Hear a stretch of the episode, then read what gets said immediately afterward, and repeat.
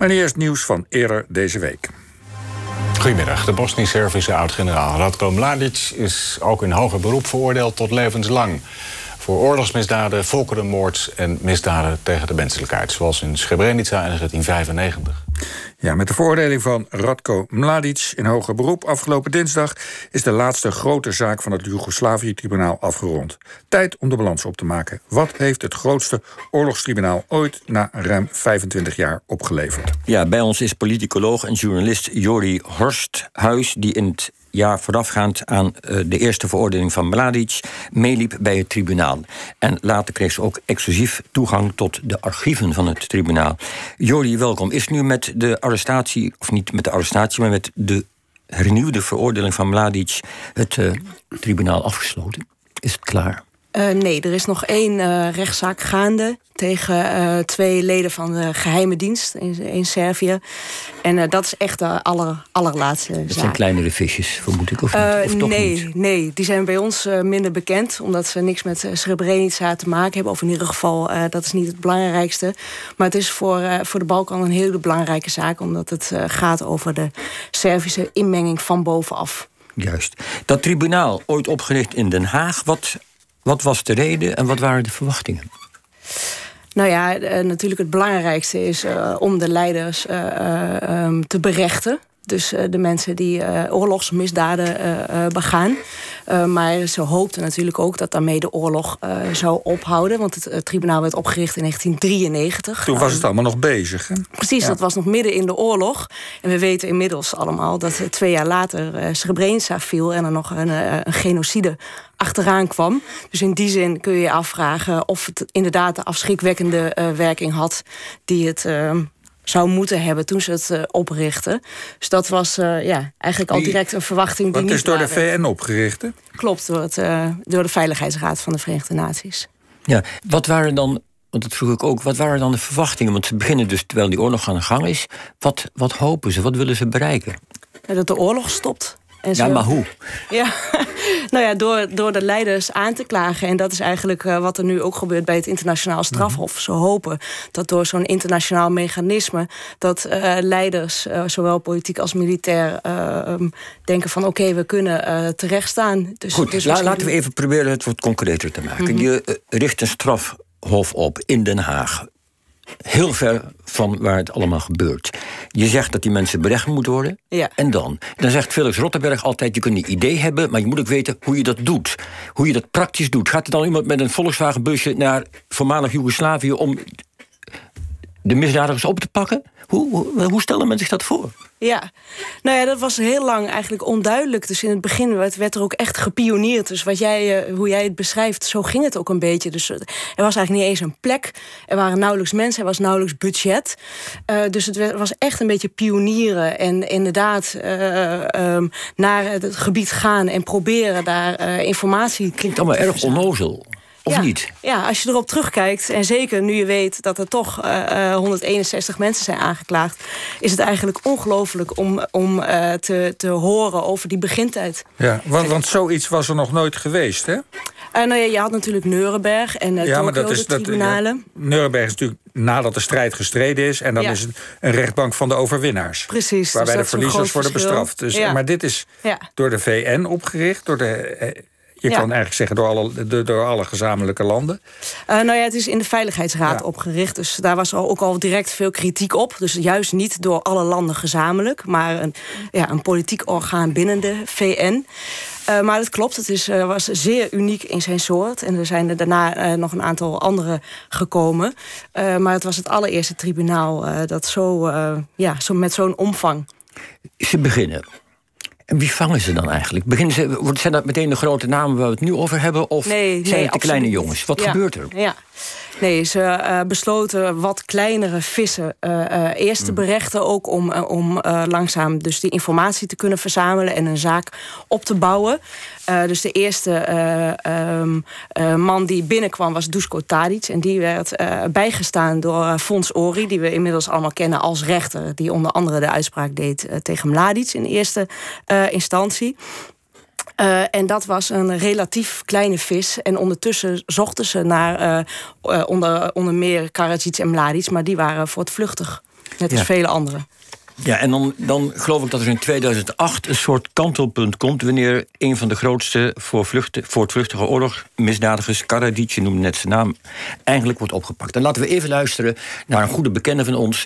die destijds in het journaal vertelt uh, hoe het allemaal ging.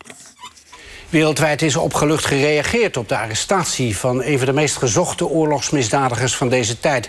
Onherkenbaar leefde hij als alternatief arts in Belgrado, schreef voor een medisch blad en maakte gebruik van het openbaar vervoer. Hij zat in de bus toen hij werd gearresteerd. Ja, de arrestatie eh, van Karadzic. 15 jaar bestond het uh, tribunaal daar. Was dat een reden voor groot feest toen? Uh, ja, in ieder geval in, in Den Haag en ook in, in uh, sommige landen van de Balkan. De andere mm -hmm. landen waren natuurlijk uh, ja, teleurgesteld. Of in ieder geval ik bedoel, bij het tribunaal ja, natuurlijk. Ja, ja, nee, zeker. zeker. Uh, dat was, uh, want eigenlijk... Uh, Hij was de eerste grote vis die gevangen werd. Nee, Milosevic had al terecht gestaan, maar die was overleden in 2006. En toen was er grote angst dat het, wel eens, dat het tribunaal wel eens heel erg zou kunnen falen. Omdat dus die, die hoge pieven nog vrij rondliepen. Dus ze waren enorm blij dat uh, Karadzic werd opgepakt. Wat, wat was het punt? Waar, waarom, wat was zijn misdaad? Even heel Hij was praktisch. de politiek verantwoordelijk voor onder andere Srebrenica en, uh, en, de belegering van Sarajevo. Nu herinneren we ons allemaal natuurlijk die rare beelden van, van die man uh, die, die, die, die overal en nergens zat. Hoe, hoe hebben ze hem eigenlijk te pakken gekregen? Hoe is, kun je, weet je daar iets van? Kun je dat vertellen? Uh, nou ja, er werd heel lang uh, naar hem gezocht. Terwijl hij dus achteraf uh, in een gewone stadswijk in, in Belgrado bleek te wonen. Met, vermomd als een alternatieve geneesheer. Er stond, ja, er stond geld op zijn, op zijn hoofd, zeg maar. hij werd echt gezocht door de internationale opsporingsdiensten. Maar heel lang werd hij ook beschermd door de Servische autoriteiten. En er is heel veel druk op hen gelegd om, ja, om die zoektocht ook te ondersteunen. Ik geloof dat jij ook nog zelf op verkenning uit bent geweest... Hè? in het pand, in het complex waar hij woonde. Klopt dat? Ja, klopt. Ik was een paar Vertel. weken geleden nog in, uh, in Belgrado... en toen uh, heb ik inderdaad het appartementencomplex uh, opgezocht... en ook het café waar hij vaak kwam om even een drankje te drinken. En daar zijn ze eigenlijk heel trots op, op hem en op dat, dat hij daar kwam. Dus hang een groot portret van hem aan de muur. ook van Mladic overigens en, en Milosevic. Dus er zijn nog steeds heel veel mensen die hem ook als held beschouwen. Maar dat betekent dus ook dat als zo'n man gewoon daar in zijn eigen buurtje... een uh, kopje koffie, uh, weet ik veel wat allemaal ging drinken... dat niemand hem verraadde. En niemand hem herkende, want hij was echt behoorlijk goed vermomd. Hij had een imposante baard, lang haar, grijs haar. Dus uh, ja, achteraf... Ja, hij zag er totaal anders hij uit. Hij zag er totaal anders ja. uit. Achteraf, natuurlijk, als je goed kijkt naar de foto's... zou je het kunnen weten. Maar uh, uh, nee, die mensen hebben het echt niet geweten. Dit zeiden we net, kantelde dit de stemming. Dat zeiden we net. Is dat ook zo? Veranderde ja. hierdoor de stemming op het tribunaal? En ja. hoezo dan? Ja, zeker. Ja. Ik heb ook de hoofdaanklager van dat moment, Serge Brammerts, geïnterviewd. En die vertelde dat er echt enorme opluchting was. dat zo'n grote vis was gepakt en overgebracht naar Den Haag. Want dat maakte uh, dat het tribunaal weer zin had. Mm -hmm. Ja, uh, was het tribunaal inmiddels ook professioneler geworden? Want je, je beschreef het in het begin als een klein clubje mensen... dat een beetje pionierde en niet precies wist wat ze moesten doen. Het is dan inmiddels in 2008, 15 jaar later. Is het dan inmiddels gegroeid en een professionele organisatie geworden? Uh, ja, zeker. Ja, het is, heeft enorme professionaliseringsslagen doorgemaakt... maar nog steeds is er ook heel veel kritiek. Uh, en dat komt mede omdat ze het dus voor het eerst moesten doen. Dus ze moesten alles uitvinden. En in 2008 waren ze al een heel stuk verder. Maar het, ja, het internationaal strafhef, uh, strafrecht is nog steeds zo in ontwikkeling. Uh, dat, ja, dat is nog lang niet uh, ja, klaar. Ja, nu nu hadden we het net over Mladic. zeg ik het nou goed? Ik weet, nee, we hadden het over Karadzic. Ja, al die, ja, vergeef me, dat ligt aan mij. Voor mij zijn het allemaal Janse namen. excuses daarvoor. Karadzic werd ook opgepakt. en Laten we even, voordat we het daarover gaan hebben...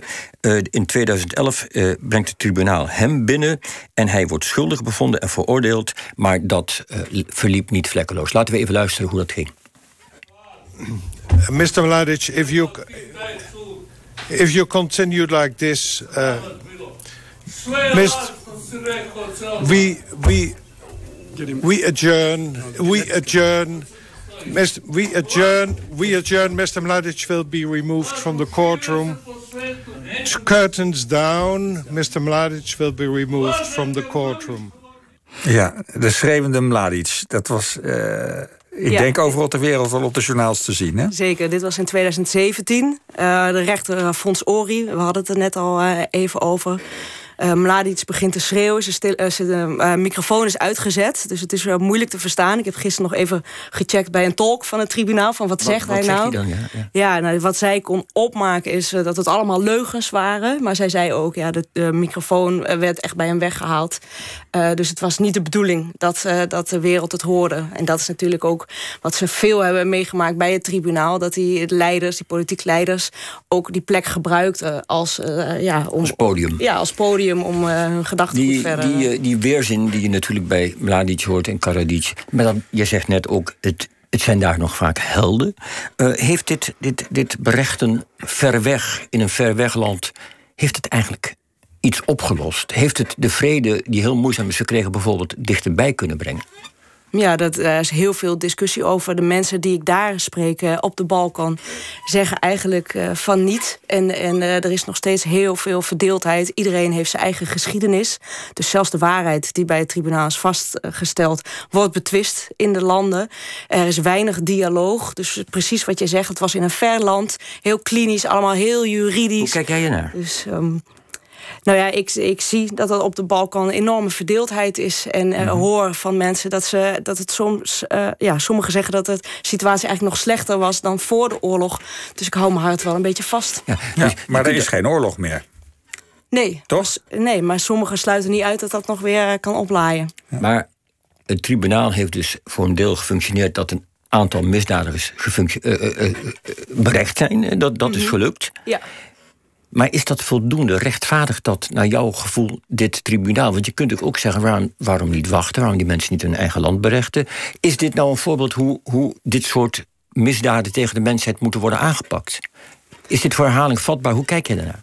Ja, nou ja, dat is heel erg de vraag. Het wordt natuurlijk nu ook bij het internationaal strafhof gedaan. En ehm, ja, je kunt je afvragen of dat de manier is, omdat het dus in een ver land gebeurt. Dus de, de samenlevingen zijn zelf eigenlijk daar nauwelijks bij betrokken. En dat is eh, eh, ja, vaak geen goede manier om echt weer met elkaar in dialoog te komen en elkaar beter te begrijpen. Dus ik denk dat er zeker ook in de landen zelf eh, iets gedaan moet worden om, om weer ja, met elkaar verder te kunnen leven. Ja, maar als we een les moeten trekken uit dit, dit, dit unieke geval, dit Joegoslaven-tribunaal, wat het eerste in zijn soort was, wat is de belangrijkste les dan volgens jou? Wat is de winst?